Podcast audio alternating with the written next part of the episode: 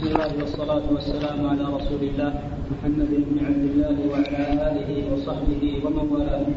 اللهم اغفر لنا ولشيخنا وللحاضرين برحمتك يا أرحم الراحمين. أما بعد قال الإمام ابن حجر رحمه الله تعالى في كتابه بلوغ المرام في كتاب الصيام وعن أبي هريرة رضي الله تعالى عنه أن النبي صلى الله عليه وسلم نهى عن صوم يوم عرفة بعرفة رواه الخمسه غير الترمذي وصححه ابن خزيمة والحاكم واستنكره الحقيقي. بسم الله الرحمن الرحيم الحمد لله رب العالمين صلى الله وسلم وبارك على نبينا محمد وعلى آله وأصحابه أجمعين. أما بعد النبي عليه الصلاة والسلام كما في هذا الحديث نهى عن صوم يوم عرفة بعرفة. وهذا الحديث استنكره العقيلي ولكن قال بعض المحققين من أهل العلم منهم سماحة شيخنا ابن باز رحمة الله عليه لأنه لا وجه لهذا الاستنكار. فالحديث ثابت يدل على كراهية صيام يوم عرفة للحاج. أما غير الحاج فيشرع له أن يصوم يوم عرفة لأن النبي عليه الصلاة والسلام بين أن صوم يوم عرفة يكفر سنتين سنة ماضية وسنة مستقبلة. أما الحاج فالأفضل له أن يكون مفطرا بعرفة ولهذا شرب النبي عليه الصلاة والسلام حينما شك الناس في صيامه يوم عرفة فجاءت أم الفضل رضي الله عنها وناولته لبنا فشرب عليه الصلاة والسلام والناس ينظرون. دل ذلكم على أن النهي عن صيام يوم عرفة هو مكروه وأن السنة الإفطار. بقول النبي عليه الصلاة والسلام ما يدل عليه هذا الحديث وبفعله صلوات الله وسلامه عليه. نعم. والأفضل للإنسان الحاج الذي ليس عنده هدي من القارنين والمتمتعين أن يصوم ثلاثة أيام قبل قبل يوم عرفة. حتى يكون يوم عرفة مفطرا. فإن لم يتيسر له ذلك ولم يصم صام أيام التشريق. نعم. عن عبد الله بن عمرو رضي الله تعالى عنهما قال قال رسول الله صلى الله عليه وسلم لا صام من صام الأبد. متفق عليه. ولمسلم من حديث أبي قتادة رضي الله عنه بلفظ لا صام ولا أفطر. وهذا الحديث يدل على النهي عن صيام يوم عن صيام الدهر السنة كاملة. واختلف أهل العلم في هذا المعنى. لا صام من صام الدهر. في رواية لا صام ولا أفطر. فقيل المعنى دعاء أنه دعا عليه. دعاء من النبي عليه الصلاة والسلام على من صام الدهر. وقيل المعنى أنه من باب الخبر. إخبار بأنه لا صام ولا أفطر. قال ابن العربي في شرح الترمذي فيا ويح فإن كان دعاء فيا ويح من دعا عليه رسول الله صلى الله عليه وسلم. وإن كان خبرا فيا ويح من أخبر عنه النبي عليه الصلاة والسلام أنه لا صام ولا أفطر. وقيل المعنى لأنه لا صام ولا أفطر أن المتعود على صيام الدهر كأنه لا يصوم. من باب التعود تعود على ذلك حتى أصبح كأنه مفطرا. من باب التعود فأصبح لا قيمة لصيامه لأنه أصبح لا يجد الجوع ولا يجد الظمأ لهذا ذكر شيخنا رحمة الله عليه ابن باز أن كان أن بعض الناس كان في المدينة قبل سنين وكان يصوم الدهر. فنصحه ونصحوه. نصحه بعض العلماء فقال نفسي لا تتوق إلى الطعام. يعني تعود على الصيام على صيام الدهر فأصبح أنه لا تتوق نفسه إلى الطعام في النهار فيبقى صائما. هذا يدل على أن النبي عليه الصلاة والسلام حذر الأمة. عليه الصلاة والسلام عما يخالف شرعه عليه الصلاة والسلام. فالصيام الدهر كاملا لم يشرعه رسول الله صلى الله عليه وسلم. وإنما أكثر ما شرع أن يصوم الإنسان ما يستطيع. وأفضل الصيام إلا أنه لا يصوم الدهر. وأفضل الصيام أن يصوم يوما ويفطر يوما. كصيام داود عليه الصلاة والسلام. نعم. باب الاعتكاف وقيام رمضان.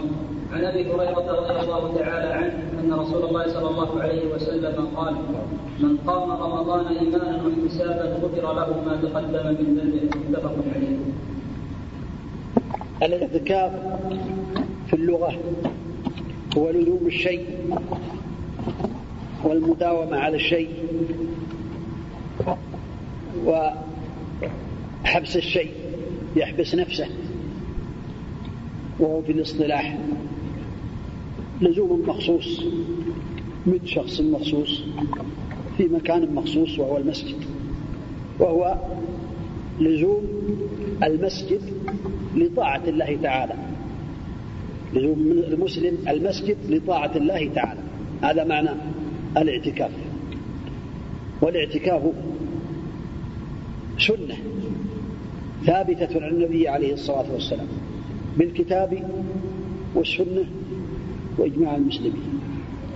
الكتاب قال تعالى ولا تباشرهن وأنتم عاكفون في المساجد. فدل على الاعتكاف آيات أخرى. والسنة اعتكف النبي عليه الصلاة والسلام واعتكف أزواجه من بعده صلوات الله وسلامه عليه. كما سيأتي أنه اعتكف العشر الأواخر من رمضان كان يعتكف العشر الأول ثم الأوسط ثم اعتكف العشر الأواخر. يلتمس ليلة القدر عليه الصلاة والسلام.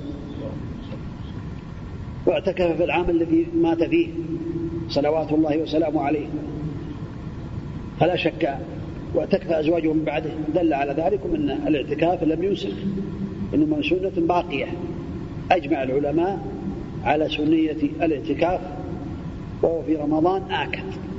لتحري ليلة القدر ويكون الاعتكاف في مسجد من المساجد ولا يصح في مصلى لا يصلى به الناس مصلى العيد أو غيره أو أماكن وإنما يكون في المساجد في المسجد الذي الذي تقام فيه الصلاة صلاة الجماعة. أما الجمعة لا يلزم أن يعتكفوا في مسجد جامع لأنه سيذهب إلى صلاة الجمعة لأن صلاة الجمعة فرض. عين عليه. إذا كان قادرا مستطيعا. وأما قيام رمضان فهو سنة.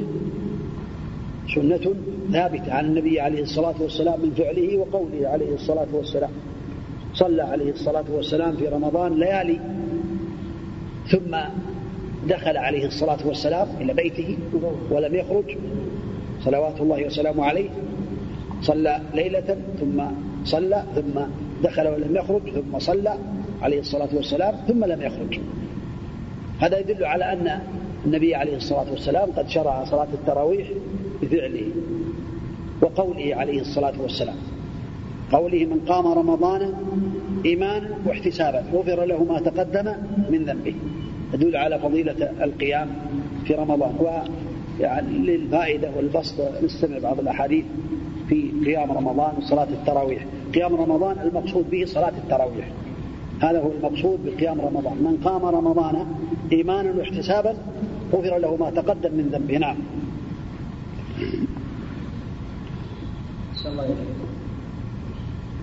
نعم. صلاة التراويح. نعم. والتراويح هي قيام رمضان أول أول الليل ويقال الترويح في شهر رمضان. ارفع صوت ارفع صوت. وتأملنا لا تسال نعم. والتراويح هي قيام رمضان أول النهار ويقال أو أول الليلة أول الليل نعم. ويقال الترويح في شهر رمضان لأنهم كانوا يستعينون بين كل تسليمتين بناء على حديث عائشة رضي الله عنها انها كيف كانت صلاة رسول الله صلى الله عليه وسلم في رمضان؟ قالت ما كان رسول الله صلى الله عليه وسلم يزيد في رمضان ولا في غيره على إحدى عشرة ركعة. يصلي أربعة فلا تسأل عن مسلمين وطولهن ثم يصلي أربعة فلا تسأل عن مسلمين وطولهن ثم يصلي ثلاثة الحديث وهذا لا يدل على أنه كان يسردها عليه الصلاة والسلام. إنما دلت الأدلة الأخرى كما سنسمع على أنه كان يصلي ركعتين ركعتين عليه الصلاة والسلام. صلاة التراويح نعم. ودل قولها رضي الله عنها يصلي أربعة ثم يصلي أربعة على أن هناك فصلا بين الأربع الأولى والأربع الثانية والثلاثة الأخيرة ويسلم في الأربع من كل ركعتين. في حديث عائشة رضي الله عنها قالت كان رسول الله صلى الله عليه وسلم يصلي من الليل إحدى عشرة ركعة بواحدة لفظ يسلم بين كل ركعتين ويوتر بواحدة. نعم. وهذا يفسر الحديث الأول وانه صلى الله عليه وسلم يسلم من كل ركعتين وقد قال صلى الله عليه وسلم صلاة الليل مثنى نعم. صلاة التراويح سنة مؤكدة سنها رسول الله صلى الله عليه وسلم بقوله وفعله عن أبي هريرة رضي الله تعالى عنه قال كان رسول الله صلى الله عليه وسلم يرغبهم في صيام قيام رمضان من غير أن يامرهم فيه بعزيمه فيقول من قام رمضان إيمانا واحتسابا غفر له ما تقدم من ذنبه قال الإمام النووي رحمه الله تعالى اتفق العلماء على استحبابها ولا شك أن صلاة التراويح سنة مؤكده أول من سنها بقوله وفعله رسول الله صلى الله عليه وسلم فضل صلاة التراويح ثبت من قول رسول الله صلى الله عليه وسلم هريرة رضي الله تعالى عنه أنه قال من قام رمضان إيمانا واحتسابا غفر له ما تقدم من ذنبه فإذا قام المسلم رمضان تصديقا بأنه حق شرعه الله وتصديقا بما قاله رسول الله صلى الله عليه وسلم وما جاء به واحتسابا للثواب يرجو الله مخلصا له القيام ابتغاء مرضاته وغفرانه حصل له هذا الثواب العظيم. يعني معنى كما سمعنا معنى إيمانا واحتسابا إيمانا بأن النبي عليه الصلاة والسلام شرع قيام رمضان. واحتسابا أي يحتسب الثواب. يرجو ثواب الله. يرجو أن الله عز وجل يدخر له هذا الثواب الذي يفوقه إذا هذا يغفر الله له ما تقدم من ذنبه. نعم. وجاء في مسند أحمد وما تأخر. فضل الله واسع. نعم. مشروعية الجماعة في صلاة التراويح وقيام رمضان وملازمة الإمام حتى ينصرف لحديث أبي ذر رضي الله تعالى عنه قال صمنا مع رسول الله صلى الله عليه وسلم في رمضان فلم يقم بنا حتى بقي سبعة حتى بقي سبعة من الشهر.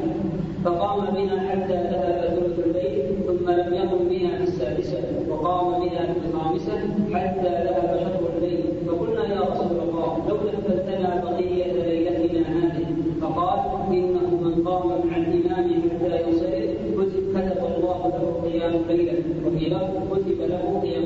وهذا من فضل الله تعالى على أن الإنسان إذا لازم الإمام حتى ينصرف كتب الله له قيام ليلة كاملة. كثير من الناس الآن ينصرفون من صلاة التراويح يصلي ركعتين ثلاث ثلاثة ويقول بعدين أكمل في البيت. لا الأفضل له أن يكمل مع الإمام. فإنه من لازم الإمام حتى ينصرف كتب الله له قيام الليلة كاملة. نعم. قال فلما كانت الرابعة لم يقم فلما كانت الثالثة جمع أهله ونساءه والناس فقام بنا حتى خشينا أن يفوتنا الفلاح. قال قلت ما الفلاح؟ قال السحور. ثم لم يقم بنا بقية الشهر. عليه هذا يدل على أنه كان يطيل عليه الصلاة والسلام. حتى خشوا أن يفوتهم الفلاح. الفلاح هو السحور. التطويل في صلاة التراويح يعني لا بأس به. لكن الإنسان لا يشق على الناس. أدام الناس ضعفاء. يعني لكن لو أطال الإمام لا يستغرب الناس فإن النبي عليه الصلاة والسلام قد أراد ذلك. والسلف الصالح رضي الله عنهم كانوا يصلون حتى يعتمدون على الوصي. كانوا يقرؤون بالمئين أي بالمئات من الآيات في الركعة الواحدة. نعم. لكن الرغبة الرغبة تخفف التعب. إذا كان الإنسان له رغبة وله يعني نشاط فيما عند الله تعالى وتلذذ في قراءة القرآن تلذذ بعبادة الله تعالى قصر عليه الوقت.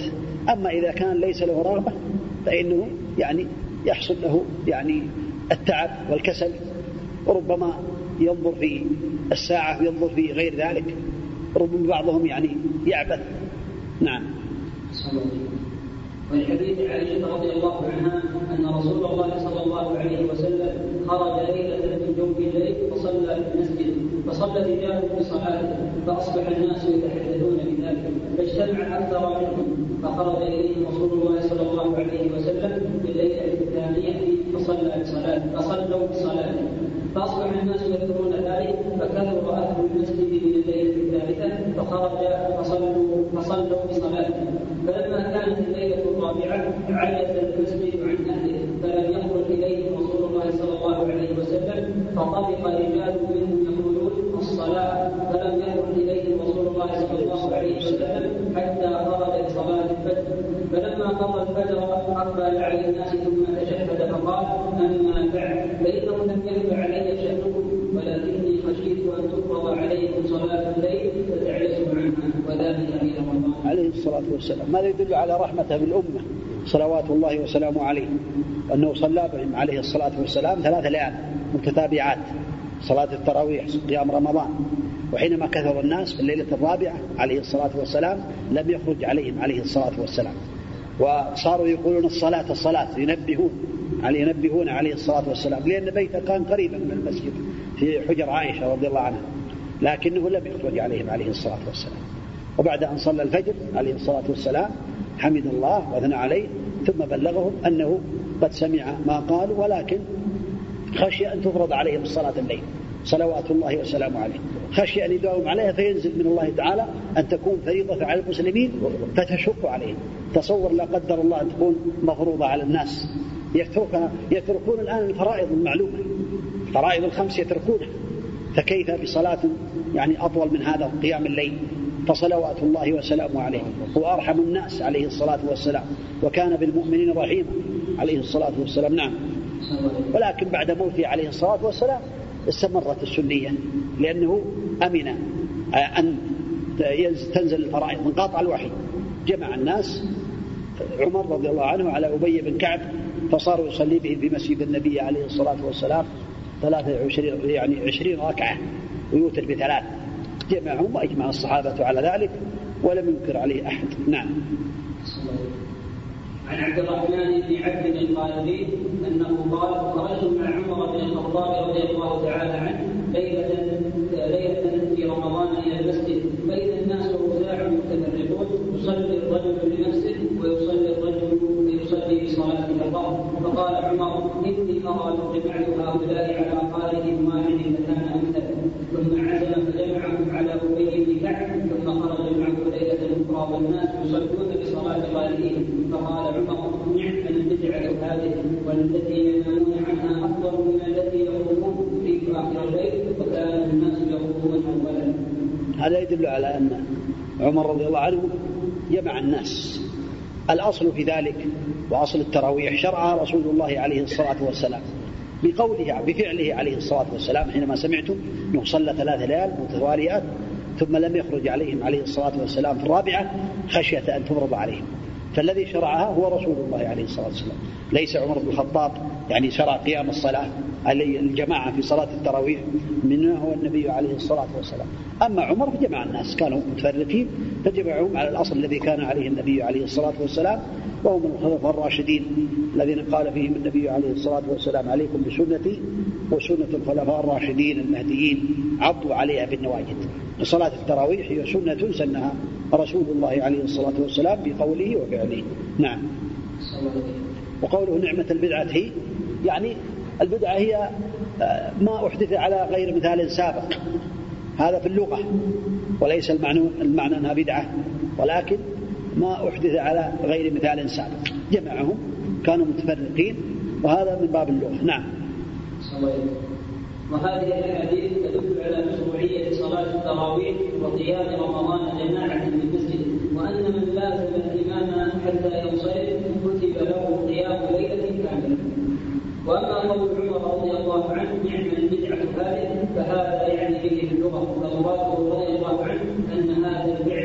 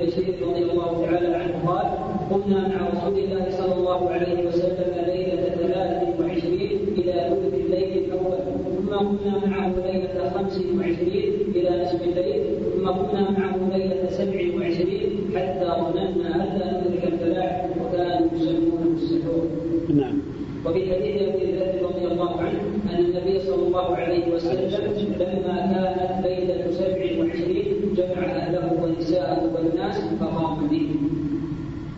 وقت صلاة التراويح بعد صلاة العشاء مع سنتها الراتبة ثم تصلى صلاة ثم تصلى صلاة التراويح بعد ذلك عدد التراويح ليس له تأديب لا يجوز غيره وإنما قال النبي صلى الله عليه وسلم صلاة الليل مثنى مثنى هذا عدد التراويح ليس له يعني حد محدد كما سمعنا في الحديث. صلاة الليل مثنى مثنى الغريب من بعض الشباب في بعض الأماكن حتى في الحرم أن بعض الشباب يحضرون ثم يصلون مع الإمام عشر ركعات. وإذا زاد الإمام جلسوا. والغريب أنهم يتحدثون في أمور الدنيا في المسجد في المسجد الحرام. يعني هذا يدل على الجهل. لو علموا كلام النبي عليه الصلاة والسلام وقوله صلاة الليل مثنى مثنى فإذا خشي أحدكم الصبح أوتر بواحدة فمعنى ذلكم أن هذا مطلق.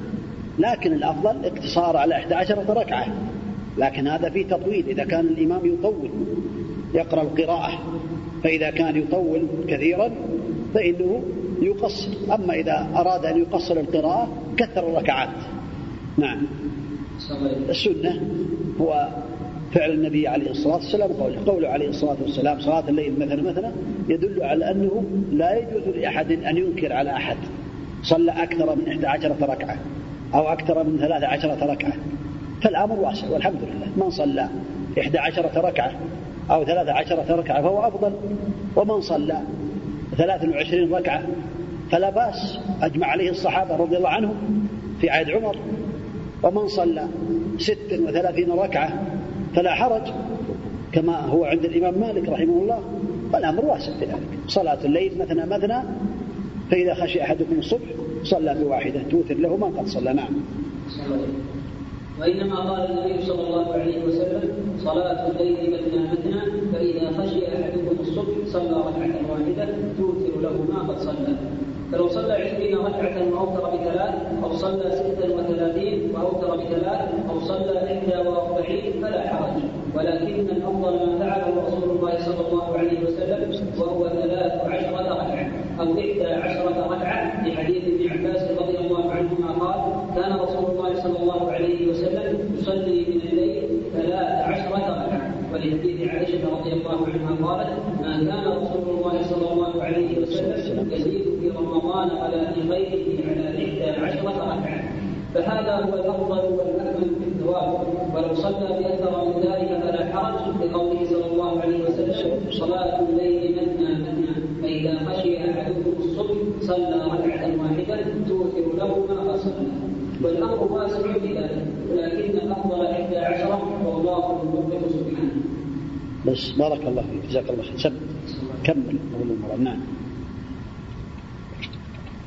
نعم وعن ابي هريره رضي الله عنه أن رسول الله صلى الله عليه وسلم قال من قام رمضان إيمانا واحتسابا غفر له ما تقدم من ذنبه متفق عليه. نعم. وعن عائشة رضي الله عنها قالت كان رسول الله صلى الله عليه وسلم إذا دخل العشر أي العشر الأخيرة من رمضان شد نزاره وأحيا ليلا وأيقظ أهله متفق عليه. هذا يدل على عنايته عليه الصلاة والسلام بالعشر الأواخر. شد ميزر عليه الصلاة أحيا ليله وايقظ أهله وشد الميزر. أحيا الليل أي صلى الليل كله. والمعنى ليس المعنى أنه يصلي الليل من أول الليل لاخره، لكن يدخل في ذلك السحور، يدخل في ذلك القرآن القراءة، يدخل في ذلك الصلاة، أحيا الليل، المهم في العشر الأواخر عليه الصلاة والسلام. شد المئزر كناية عن اعتزال النساء عليه الصلاة والسلام، يعني الاجتهاد في ذلك. وايقظ أهله هذا يدل على عنايته عليه الصلاة والسلام بأهله صلوات الله وسلامه عليه، فإنه كان يوقظهم عليه الصلاة والسلام في الليالي العشر وكان يوقظهم للوتر في غير رمضان. نعم. وعنها رضي الله عنها قالت أن النبي صلى الله عليه وسلم كان يعتكف العشر الأواخر من رمضان حتى توفاه الله عز وجل ثم اعتكف ازواجه من بعده متفق عليه. وهذا يدل كما تقدم على مشروعية الاعتكاف. في المسجد في رمضان في العشر الأواخر. يلتمس ليلة القدر التي هي خير من ألف شهر. يتقرب لله تعالى بهذا يعني الاحتباس أو بهذا اللزوم لزوم المسجد طاعة لله تعالى يرجو ثوابه ويرجو ثواب هذه الليلة العظيمة وعدم تضييع الوقت. نعم. حديث لا تمنع الله المساجد في الاعتكاف والاصرار نعم. لا تمنع الله المساجد نعم. ويدخل يدخل به أراد تعتكف. لا. ثبت عن النبي عليه الصلاة والسلام أن كان أزواج يعتكفون يعتكفون في المسجد عليه الصلاة والسلام. لا حرج المرأة أن تعتكف في المسجد لكن بشرط أن تكون مستترة عن الناس. إما في غرفة كالغرفة الحديث الآن وإما في مكان آه، يخصص لها لا تؤذي الناس ولا تؤذي المصلين بشرط إذن الزوج ولكن لا يمنعها من ذلك. نعم. إذا علم أنه لا يحصل أي فتنة. نعم. وعنها رضي الله عنها قالت كان النبي صلى الله عليه وسلم إذا أراد أن يعتكف صلى الفجر ثم دخل معتكفا متفق عليه. وهذا لا يدل على أنه لم يبقى في الليل في المسجد فإنه في الليل في المسجد في الغالب. لكن دخول المعتكف الذي يلازمه يكون بعد الفجر يوم 21 أما أول الليل فهو ظاهره كان في المسجد عليه الصلاة والسلام. وليس المعنى الإنسان يوم 21 ليلة 21 يجلس في بيته ثم يصلي ويدخل المعتكف. وإنما المعنى والله أعلم أنه كان في المسجد ثم يدخل المعتكف بعد صلاة الفجر من يوم 21 نعم. وعنها رضي الله عنها قالت إن كان رسول الله صلى الله عليه وسلم فيدخل علي رأسه وهو في المسجد فأرجله وكان لا يدخل البيت إلا لحاجة إذا كان معتكفا. متفق عليه واللفظ للبخاري. هذا من الفوائد. فيه من الفوائد أن المعتكف لا يخرج من المسجد. يلازم المسجد. ولا يخرج إلا لحاجة كقضاء الحاجة. أو الطعام والشراب إن لم يكن هناك من يأتيه به في المسجد أو شيء لا بد منه. ويدل على أن المعتكف قد يتحدث مع غيره في شيء في شيء مفيد أو لا ولا بد منه. ويدل على أن النبي عليه الصلاة والسلام أن خروج بعض الجسد من المسجد لا يضر كونه يخرج رأسه لأن عائشة رضي الله عنها كانت حائضا. فلا تدخل المسجد كانت ترجله ورأسه يعني يخرج عليها راسه عليه الصلاة والسلام.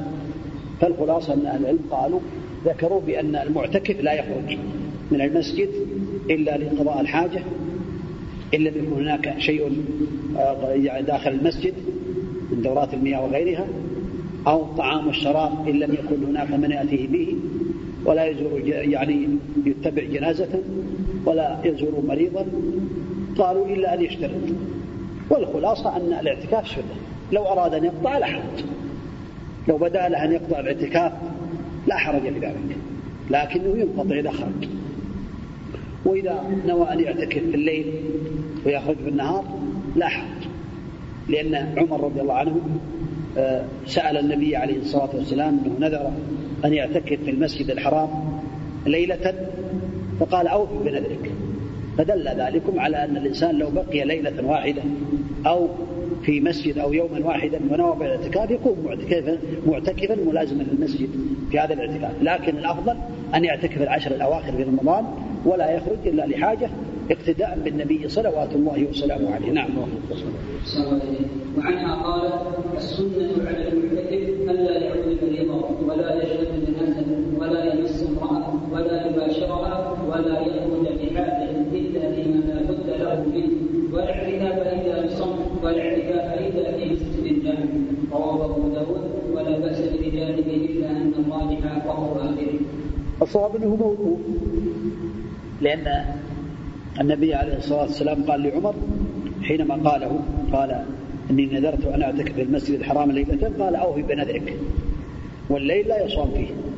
فدل على أن الاعتكاف يصح بدون صيام. فلو اعتكف الإنسان بدون صيام صح. أما في رمضان فإنه قد فإنه صائم. الله عنهما النبي صلى الله عليه وسلم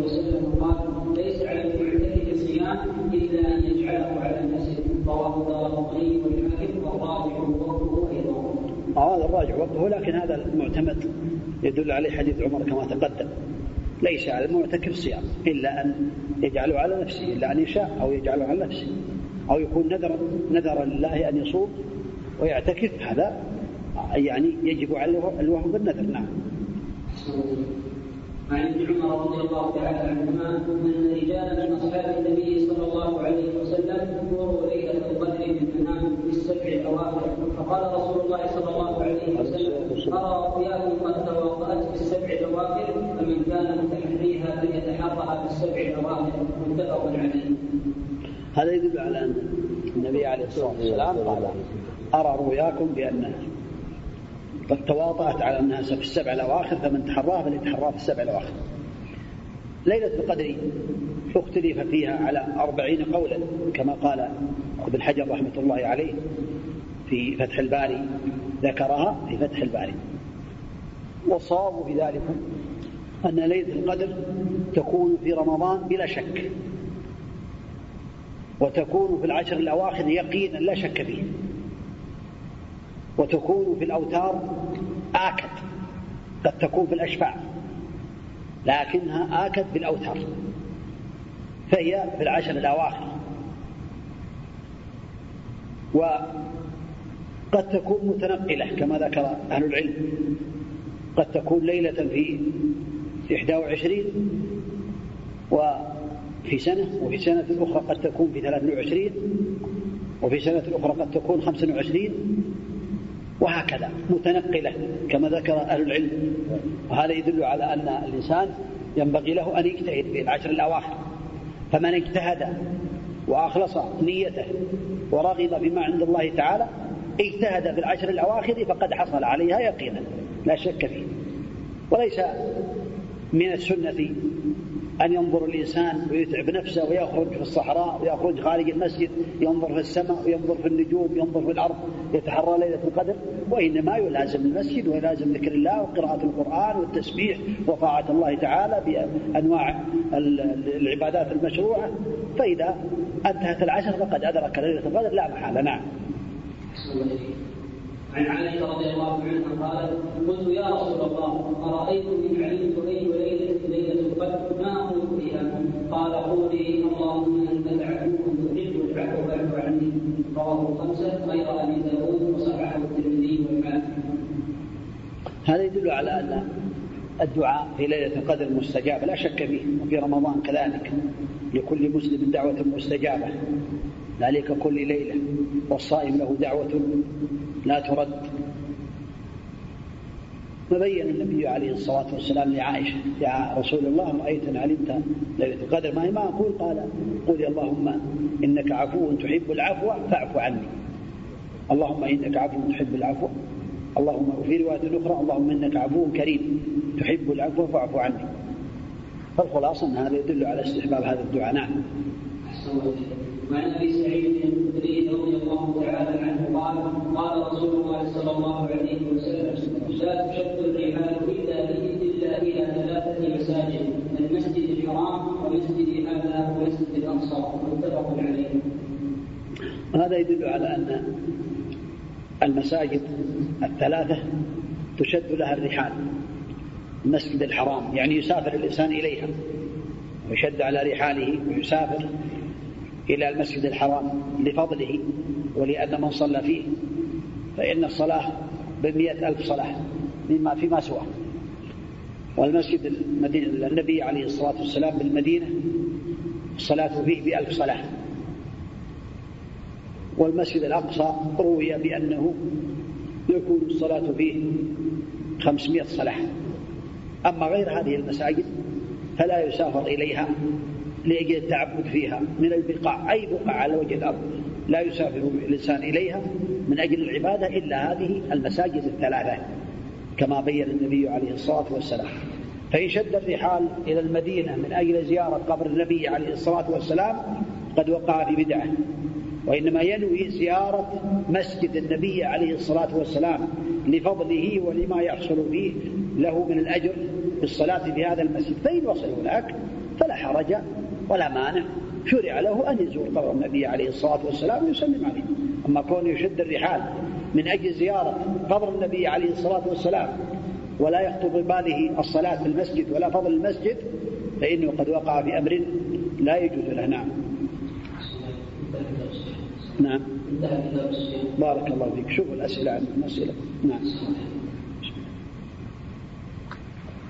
لا شك أن الصيام ركن من أركان الإسلام كما تقدم. فرضه الله تعالى على هذه الأمة. يا أيها الذين آمنوا كتب عليكم الصيام كما كتب على الذين من قبلكم لعلكم تتقون. فرضه الله تعالى قد كان على ثلاثة أطوار. الطور الأول أن الصائم مخير بين الصيام وبين أن يفطر ويطعم عن كل يوم مسكينا كما في أول آية الصيام. الطور الثاني أو النوع الثاني أنه يصوم. ولكن إن نام قبل الإفطار وجب عليه المواصلة إلى اليوم الثاني. فإذا نام قبل أن يفطر فإنه في حينئذ يواصل ولا يفطر إلا في اليوم الثاني. ثم يسر الله تعالى ذلك ويسر على الأمة فكان فرضا من طلوع الفجر الثاني إلى غروب الشمس. كلوا واشربوا حتى يتبين لكم الخيط الأبيض من الخيط الأسود من الفجر ثم أتموا الصيام إلى الليل. هذا هو يعني أطوار الصيام. والصيام يجب على كل مسلم عاقل بالغ مقيم صحيح خالد من الموانع. هذه قال لها شروط الصيام. يجب على كل مسلم فريضة ركن. بني الإسلام على خمس شهادة لا إله إلا الله وأن محمد رسول الله وإقام الصلاة وإيتاء الزكاة وصوم رمضان وحج البيت. على كل مسلم. عاقل. لا يجب على المجنون. بالغ. لا يجب على الصبي. لكنه يشرع لوليه أن يأمره ويدربه.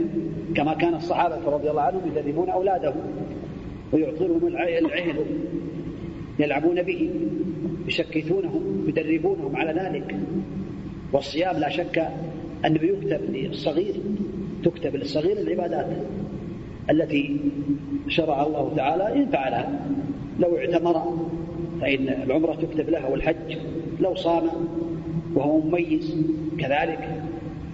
لو حج لو تصدق من ماله بإذن وليه الخلاصة أن الصغير الذي لم يبلغ إنه يؤمر بالصيام ويرغب على الصيام ويشجع عليه والبلوغ يكون بواحدة من ثلاثة للذكور. إما أن يحتلم النوم وإما أن ينبت الشعر الخشب على القبل وفي الشارب وإما أن يبلغ خمسة عشر سنة. فإذا حصل له واحد من هذه الثلاثة فقد بلغ. تزيد المرأة بشيء رابع وهو الحيض. فإذا حاضت قد بلغت. ولو كانت في الثانية عشرة. هذه علامات البلوغ. البالغ. المقيم. لا يجب على المسافر الصيام. وإنما يجب عليه القضاء. فإن صام أجزأه صيامه. وإن أفطر فإنه لا يجب عليه أن يصوم لأن الله عز وجل قد يعني رخص له. صحيح. المريض فمن كان منكم مريضا أو على سفر فعدة من أيام أخرى لا يجب عليه كذلك. وإنما يفطر ويقضي إذا كان مرضه يرجى خال من الموانع يعني الحيض والنفاس وهذا خاص بالمرأة. فلا يجوز المرأة الحائض والنفساء أن تصوم. بل يجب عليها أن تفطر. فإذا ظهرت صامت. وتقضي ما فاتها من الصيام ولا تقضي الصلاة. كما قالت عائشة رضي الله عنها كنا نؤمر بقضاء الصلاة بالصوم ولا نؤمر بقضاء الصلاة. والصيام له ركنان كما ذكر بعض أهل العلم. النية من الليل تبيت النية. ينوي المسلم نية عامة في أول الشهر أن يصوم رمضان. ثم ينوي كل ليلة يعني من الليل كما أمر النبي عليه الصلاة والسلام. والإمساك عن المفطرات من طلوع الفجر الثاني إلى غروب الشمس. والسنن كما تقدم من الإفطار والتعجيل بالإفطار والإفطار على رطبات أو تمرات أو يحسو حسوات من ماء والسحور وتعجيل السحور وغير ذلك من السنن والإكثار من الطاعات في رمضان. هذه من الأمور التي ينبغي المسلم أن يعلمها. مفسدة الصيام ذكر أهل العلم منها. الأكل متعمدا والشرب وما يقوم مقام الأكل والشرب كالإبرة المغذية. أو ما يحكم في الإنسان من المغذيات التي تغذيه ويستفيد بها على الطعام والشراب والحجامة وإخراج الدم أو ما يقوم مقامها مثل الإسعاف بالدم الكثير سحب الدم من أجل الإسعاف. هذا يكون من المفطرات وإخراج المني متعمدا ذاكرا. والجماع وهو من أعظمها. والتقي عمدا. كونه يتقيأ عمدا هذا كذلك يكون من المفطرات. ولا شك أن هذه الأمور يكون الإنسان إذا فعل شيئا منها يكون قد أفطر. نعم كم فقال الله السائل ما حكم الماء والاكل عند سماع المؤذن الفجر اي قبل ان ينتهي من الاذان الأولى أن يقتصر الإنسان على الطعام والشراب قبل الأذان فإذا أذن المؤذن أمسك إلا شيء كان في فمه قد رفع إلى فمه فيه وهو يباشره فيكمل لكن ينتبه الوقت. أما كونه يسمع المؤذن ثم يذهب يشرب ويقول أعطنا ما يا فلان بعد الأذان لأن الأذان هو الإعلام بدخول الوقت. إلا إذا كنت في برية ترى بأن المؤذن قد تقدم. فلك أن تشرب تأكل وتشرب حتى يطلع الفجر نعم. يقول من كان مفرطا في الصيام ومفرطا في الصلاة. يقول من كان مفرطا في الصيام ومفرطا في الصلاة وتاب وندم ولا يستطيع أن يحصي عدد الأيام التي أفطرها فماذا يفعل؟ إن كان يصلي فهو مسلم على الصحيح. يصلي الصلوات الخمس يقضي الصيام. يقضي وإن كان لا يصلي فهو كافر. كافر والكافر لا يصوم ولا يصلي فهو أسلم والحمد لله. وعليه أن يلتزم بإسلامه ولا يقضي ما فات كما لو أسلم الكافر اليهودي ولا النصراني. لا فرق بين على الصحيح بين تارك الصلاة متعمدا بين وبينه وبين المشركين. فمن كان يصلي وترك الصيام عليه أن يقضي الصيام لأنه مسلم. صلاته صحيحة. ومن كان لا يصلي فهو كافر. نسأل الله العافية. لا يقضي الصيام نعم. يقول حديث النهي عن الصيام بعد نصف من شعبان. ما حكم صيام الاثنين والخميس في آخر شعبان؟ الأولى والله أعلم أن يقتصر على الحديث. إن لم يصم من أول الشهر الاثنين والخميس فإنه لا يصوم بعد منتصف شعبان. من أهل العلم من قال بأن الحديث ضعيف. ومنهم من قال بأنه صحيح منهم شيخنا رحمة الله عليه الشيخ باز بين بأنه ثابت وأن معناه الابتداء بالصيام بعد نصف شعبان. فالمسلم عليه أن يجتهد ويصوم من أول شعبان. كان يصوم يوم الاثنين والخميس يصوم من أول شعبان ولو يوم ولو يوما واحدا حتى لا يكون ممنوعا من الصيام بعده. نعم. يقول ما هي ما هي قضاء الوتر لمن فاته الوتر؟ قضاء الوتر يكون شبعا. فإذا كان يصلي خمسة في الليل يصليها في النهار ستا. إذا كان يصلي سبعا يصليها ثمان إذا كان يصلي عشر ركعات إحدى عشر ركعة يصلي ثنتا عشر ركعة. كما كان النبي عليه الصلاة والسلام إذا فاته فاتته الصلاة من الليل صلى من النهار اثنتي عشرة ركعة. كان يصلي عليه الصلاة والسلام. هذا يدل على أن الإنسان إذا فاته شيء من الصلاة صلاة الوتر يقضيها من النهار شبعا نعم نعم يقول يقولون الإخوان نرجو من الأخ من إثيوبيا إعادة إرسال سؤالك مرة أخرى لأن سؤالك لم يظهر على الإنترنت. نعم. سائل من الإنترنت يقول ما حكم صيام يوم الشك؟ لا يجوز حرام. النبي عليه الصلاة والسلام كان في الحديث الصحيح من صام اليوم الذي يشك فيه فقد عصى ابا القاسم. صلى الله عليه وسلم. من صام اليوم الذي يشك فيه فقد عصى القاسم. صلى الله عليه وسلم. فلا يجوز صيام يوم الشك. نعم. أحسن الله عليك يقول السائل ما معنى عتق الرقبة؟ عتق الرقبة يعني معناه يشتري مملوكا. والمملوك كان سببه أو سبب يعني رقه الجهاد في سبيل الله. كان أسيرا ثم صار يباع ويشترى وذريته. فإذا كان هناك من يوجد من هؤلاء أرقاء يباعون ويشترون يشتري له مسلما رقيقا ويعتقه. نعم. صلى الله عليه إذا كنت في الرياض وسمعت المؤذن في الراديو يؤذن منها. فهل أفطر أو أنتظر حتى يؤذن يؤذن المسجد القريب من المنزل؟ إذا كان الأذان في الرياض وأنت في الرياض فإنك تلتزم بالوقت. إن كان على الوقت وقد غربت الشمس أفطر. حتى لو تأخر المؤذن. حتى لو لو لو, لو لم يؤذن المؤذن. عندك يقين كالشمس بأن الشمس قد غربت؟ لا شك في ذلك؟ كأن تكون في رأس عمارة طويلة أو تكون في رأس جبل أو غير ذلك وتراقب الشمس. ولا هو ليس هناك غمام يحول بينك وبينها رأيتها قد سقطت وغرب غربت. حينئذ سواء أذن المؤذن أو لم يؤذن المؤذن. لكن لم تقدر ولم تستطع. فعليك أن تنتظر المؤذن الثقة حتى يؤذن. نعم. ومع ذلك تتأكد. حتى لو سمعت المؤذن لابد أن تتأكد. تثبت. قد يكون يعني غلطان قد يكون يعني استعجل. تثبت تنظر في الساعة. تنظر في الوقت. نعم. أحسن الله يقول السائل ما معنى مسلم رقيق؟ نعم. ما معنى مسلم رقيق؟ رقيق. مسلم؟ مسلم مسلم رقيق. مسلم. إيش؟ مسلم الرقيق الرقيق المسلم. الرقيق المسلم. نعم. يعني مثل السؤال الأول يعني. نعم. الرقبة. يعني الرقيق المسلم يعني العبد المملوك. العبد الذي سببه الرق سببه الجهاد.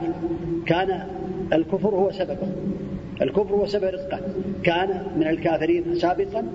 ثم حصل جهاد بين المسلمين وبين الكفار فأصبح من الأسرى ثم صار رقيقا وذريته كذلك. هذا هو الرقيق. فالإعتاق المسلم يعني إعتاق الرقبة لابد أن تكون مؤمنا في قتل وفي قتل الخطأ وفي كفارة الصيام آه، الوضع في رمضان وفي كفارة الظهار وكفارة اليمين لابد أن تكون مؤمنة. لابد أن يكون هذا العبد مؤمنا. وبعض الناس يظن بأن العبد هو الأسود. لا العبد هو الذي كان سببه الكفر. الرق سببه الكفر. كان كافرا ثم أسلم. وهذا لا يوجد عندنا في المملكة لكن قد يوجد في دول أخرى أن هناك أرقاء مسلمين يباعون ويشترون. ولكن على الإنسان أن يتثبت كذلك لا يسافر ويسأل يقول هل هذا رقيق؟ قد يباع حرا قد يباع عليه حرا من أجل النقود والمال لكن يسأل أهل العلم هناك أو هنا الذين يعرفون جماعتهم أو يعرفون بلدهم. أنه رقيق مملوك ثم يشتري ويعتق. نعم. يقول فضيلة الشيخ حفظه الله تعالى ما هي السنن الرواتب وهل؟ نعم. يقول السائل ما هي السنن الرواتب وهل منها وما هو وقتها الأفضل؟ جزاكم الله الرواتب هي التي مع الفرائض التي قبل الفرائض بعدها أربع قبل الظهر وركعتان بعدها وركعتان بعد المغرب وركعتان بعد العشاء وركعتان آه، قبل الفجر. هذه السنن الرواتب. أما الصلاة الأخرى ركع سنة الضحى لا يقال لها من الرواتب. نعم. سنة مؤكدة لكنها ليست من الرواتب. نعم. يقول هل لابد من صيام الاثنين والخميس؟ وهل يجوز صيام إحداهما فقط؟ نعم. هل هل لابد من صيام الاثنين والخميس؟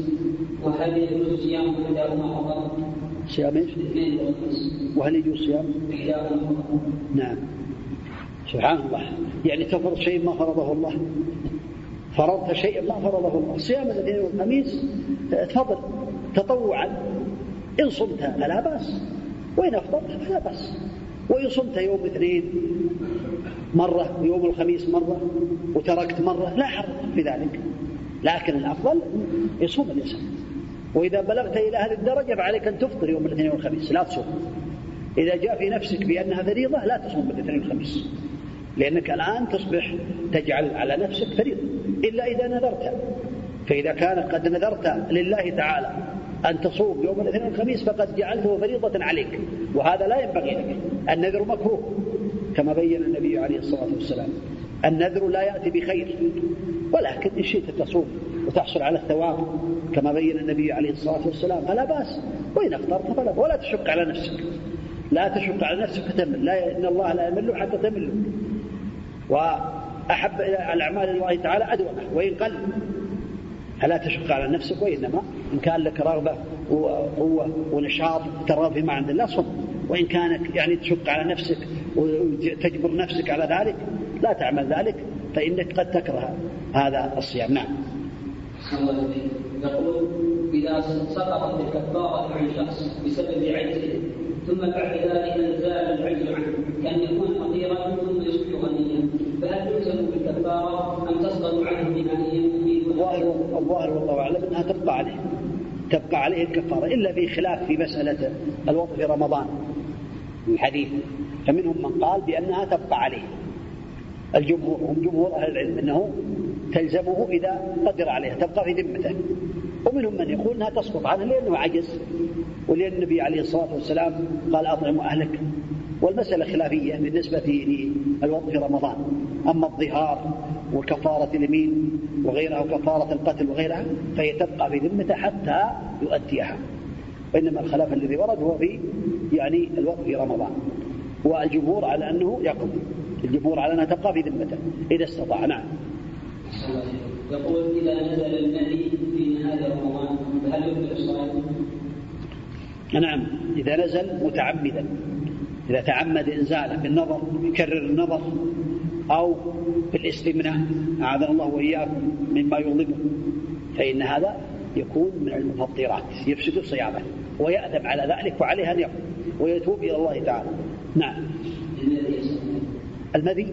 لا المذي على الصحيح إنه في خلاف بين العلم لكن الصواب إنه لا يفسد لا يفسد الصوم الصواب إنه لا يفسد الصوم وإنما يتوضا نعم.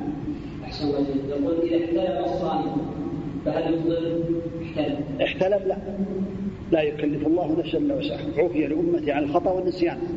وما استكروا على هذا لا يستطيع. نعم. واحتلم فإنه حينما يستيقظ يغتسل ولا حرج عليه. نعم. ولا إثم. صيامه صحيح نعم. يقول أحسن الله إليك. ذكرت في الدرس الأول معنى القلس نعم. معنى القلس نعم. مرة أخرى. القلس هو يذكر أهل العلم بأنه الذي يخرج من أدنى الحلق من أدنى الحلق عند الشبع عندما يكون الإنسان شبعان. فلا يقال له قي وإنما له قلس. فإذا خرج فعليه أن يلقيه يخرجه. ما يتعمده يخرجه لكن لو خرج إلى فمه يلقيه. يلفظه نعم. يقول يا شيخ يريد ان يقيم الليل بعد التراويح فيذهب اذا قام الامام اعداد البعض البعض يا شيخ يريد ان يقيم الليل بعد التراويح فاذا قام الامام للجزء فهل هذا يا شيخ فاته اجر قيام الليل في الدنيا؟ الأفضل له أن يبقى مع الإمام حتى ينصرف لكن لو قام من آخر الليل يصلي ركعتين ركعتين ولا يوتر يكفي يكتفي بالوتر الأول.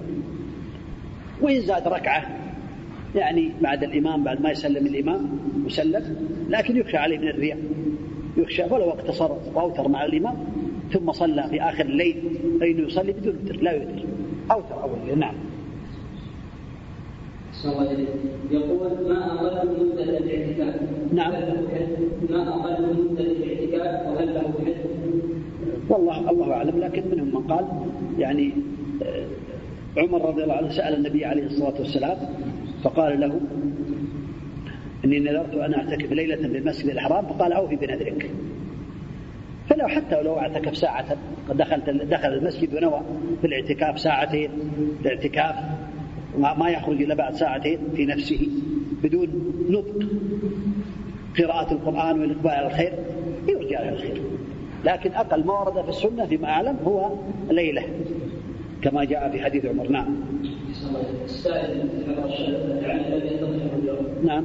يقول السائل معه صيام الشك يعني نعم. صيام يوم الشك صيام يوم الشك لا يجوز صيام يوم الشك إلا لرجل كان له صيام.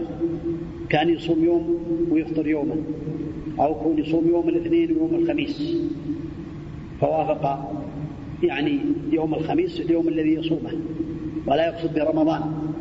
والأفضل للانسان أن يبتعد عن الشك لأنه قد يصومه ويظن الناس بانه صائم.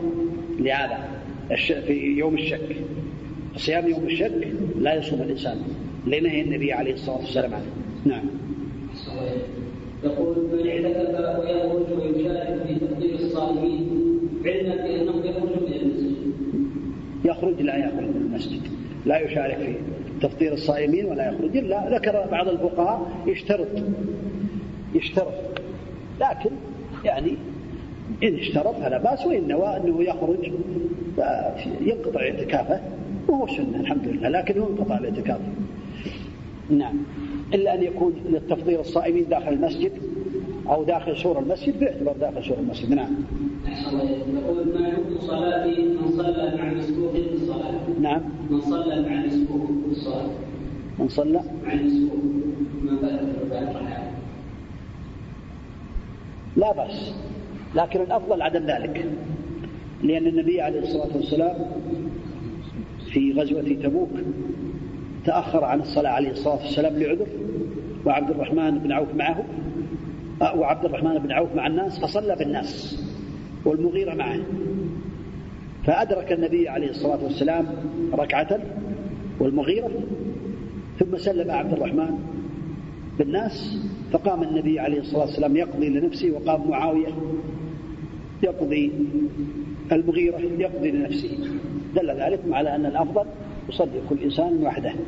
من أما من أتى وإنسان مسبوق يصلي فإذا لو دخل معه لا بأس لكن اللي كان معه الذي اثنان مسبوقان قد سبقهم الجماعة بالصلاة فأدرك الصلاة فالأفضل لكل واحد أن يقضي لنفسه.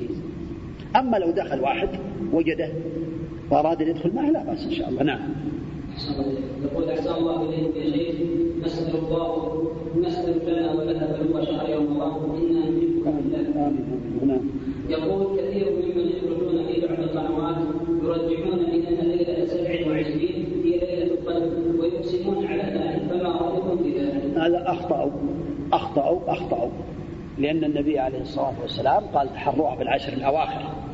وأهل العلم من يعني قديم الزمان من عهد الصحابة إلى الآن اختلفوا فيها وكان الصحابة قد أروها ثم يعني أخفيت. فلا يعلم ليلة القدر إلا الله إلا أن في العشر الأواخر يقينا لا شك فيه. وفي الأوتار أحرى. آكد. وفي الأشفاع قد تكون. وفي ليلة 27 كذلك. من الأوتار أما كون يجزم ويحلف هذا قد قال على الله بغير علم نعم. أو يحلف كان قال النبي عليه الصلاة والسلام صلوا ليلة 27 وكفى. لكنه عليه الصلاة والسلام قال تحروها في العشر الأواخر. وهذا يجزم للناس. هذا يقول للناس صلوا 27 ولا تصلوا البقية لأن الناس كثير منهم عندهم الكسل الكثير نعم. يقول ما رأيك يا شيخ؟ لكن لو قال لو قال بأنها يعني آكدها ليلة 27 وليلة الأوتار قد يقال خفيف. هذا أمره سهل. لكن يحلف يقسم ما يصلح. هذا جاهل. نعم. إليك. يقول ما رأيكم يا شيخ؟ في من يذهب إلى أماكن بعيدة في رمضان في صلاة التراويح والقيام وبماذا تنصح؟ والله إذا كان الإنسان يخشع مع إمام من الأئمة وذهاب إليه لا يفوت عليه واجبا ولا يفوت عليه سنة من السنن كقراءة القرآن والالتزام بالطاعة فعليه أن يحضر من أول الصلاة يذهب مبكرا ويصلي كثير من الناس يختارون المساجد البعيدة ويخرجون وقت الأذان ثم تفوته الفريضة ويصلي لوحده ثم يصلي التراويح. كأنه ما سافر إلا من أجل صلاة التراويح. فوت الفريضة مع الجماعة ويصلي صلاة التراويح التي هي نافلة مع الإمام. هذا جاهل. إذا كان متعمدا إذا كان تعمد ذلك. فإذا كان الإنسان أراد أن يصلي مع إنسان يخشى معه ويحسن الصلاة بشرط أن لا يؤثر على مسجده. ولا يفقده أهل المسجد ولا يحصل بينه وبينهم نزاع ولا يحصل في القلوب شيء. فإنه ينبغي له أن يصلي في مسجده. نعم. يقول سؤالي فضيلة الشيخ حفظه الله هل يجوز صيام يوم كاملا؟ نعم. هل يجوز صيام يوم كاملا؟ صيام يوم كاملا؟ وهل يجوز صيام نصف يوم؟ هكذا يقول. ها؟ لا خله يفسره ما نحكم عليه. خله يسأل. شفويا نعم. يقول السائل أحسن الله إليه هل يجب أن تكون النية عن كل صوم آه، في العيد